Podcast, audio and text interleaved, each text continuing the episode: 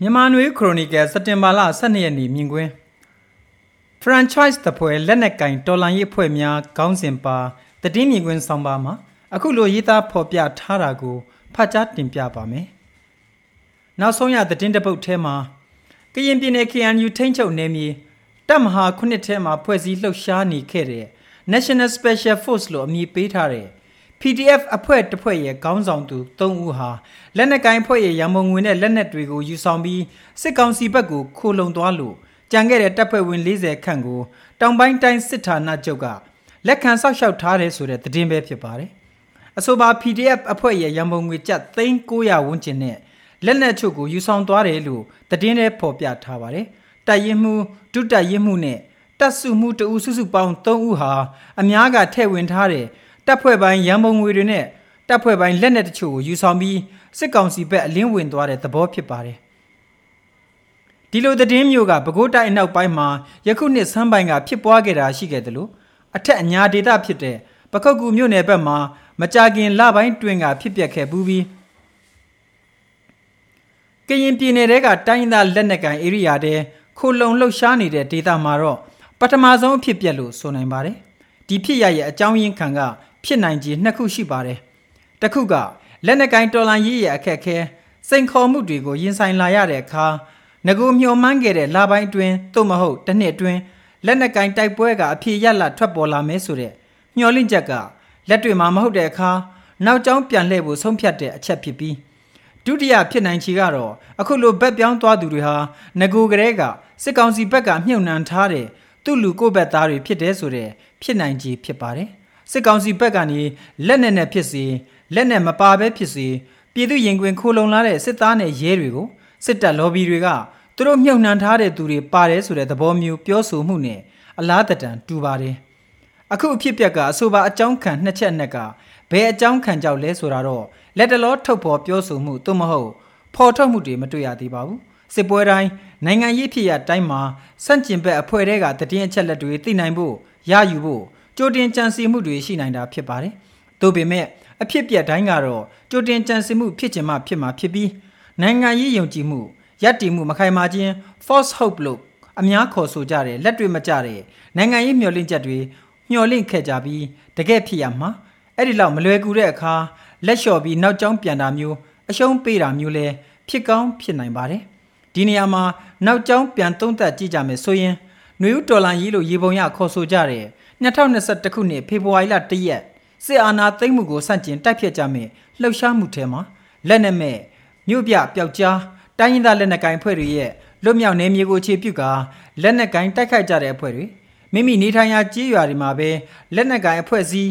တိုက်ခိုက်ကြတာစသဖြင့်အမျိုးမျိုးသောပုံစံနဲ့ဖွဲ့စည်းပေါ်ထွက်လာကြတာဖြစ်ပါတယ်။တိုင်းရင်းသားဒေသမဟုတ်တဲ့မြန်မာနိုင်ငံကဒေသတွေမှာပေါ်ထွက်လာတဲ့ပျောက်ကြားစနစ်နဲ့တိုက်ခိုက်တဲ့ PDF လက်နက်ကိုင်အဖွဲ့တွေနဲ့ မြို့တွေမှာအခြေစိုက်ပြီးစစ်ကောင်စီရဲ့လက်နက်ကင်တပ်ဖွဲ့တွေဒေသမက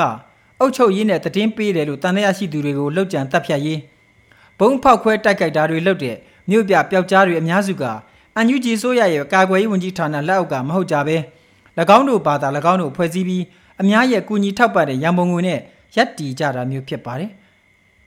အဲ့ဒီလိုအဖွဲ့တွေချင်းချင်းကြားမှာဆက်သွယ်မှုပူးပေါင်းလှုပ်ဆောင်မှုတွေအတိုင်းတာတစ်ခုထိရှိကြပေမဲ့လုံခြုံရေးကိုဦးစားပေးရတာကြောင့် အချက်လက်ဖလှယ်မှုပူးပေါင်းလှုပ်ဆောင်မှုအားနည်းကြတာဖြစ်ပါတယ်။အဲ့ဒီအဖွဲ့တွေအနေနဲ့၎င်းတို့ဘာသာ၎င်းတို့အလှခံမိရပ်တည်ကြတာကအများစုဖြစ်ပါတယ်။အဲ့ဒီမှာ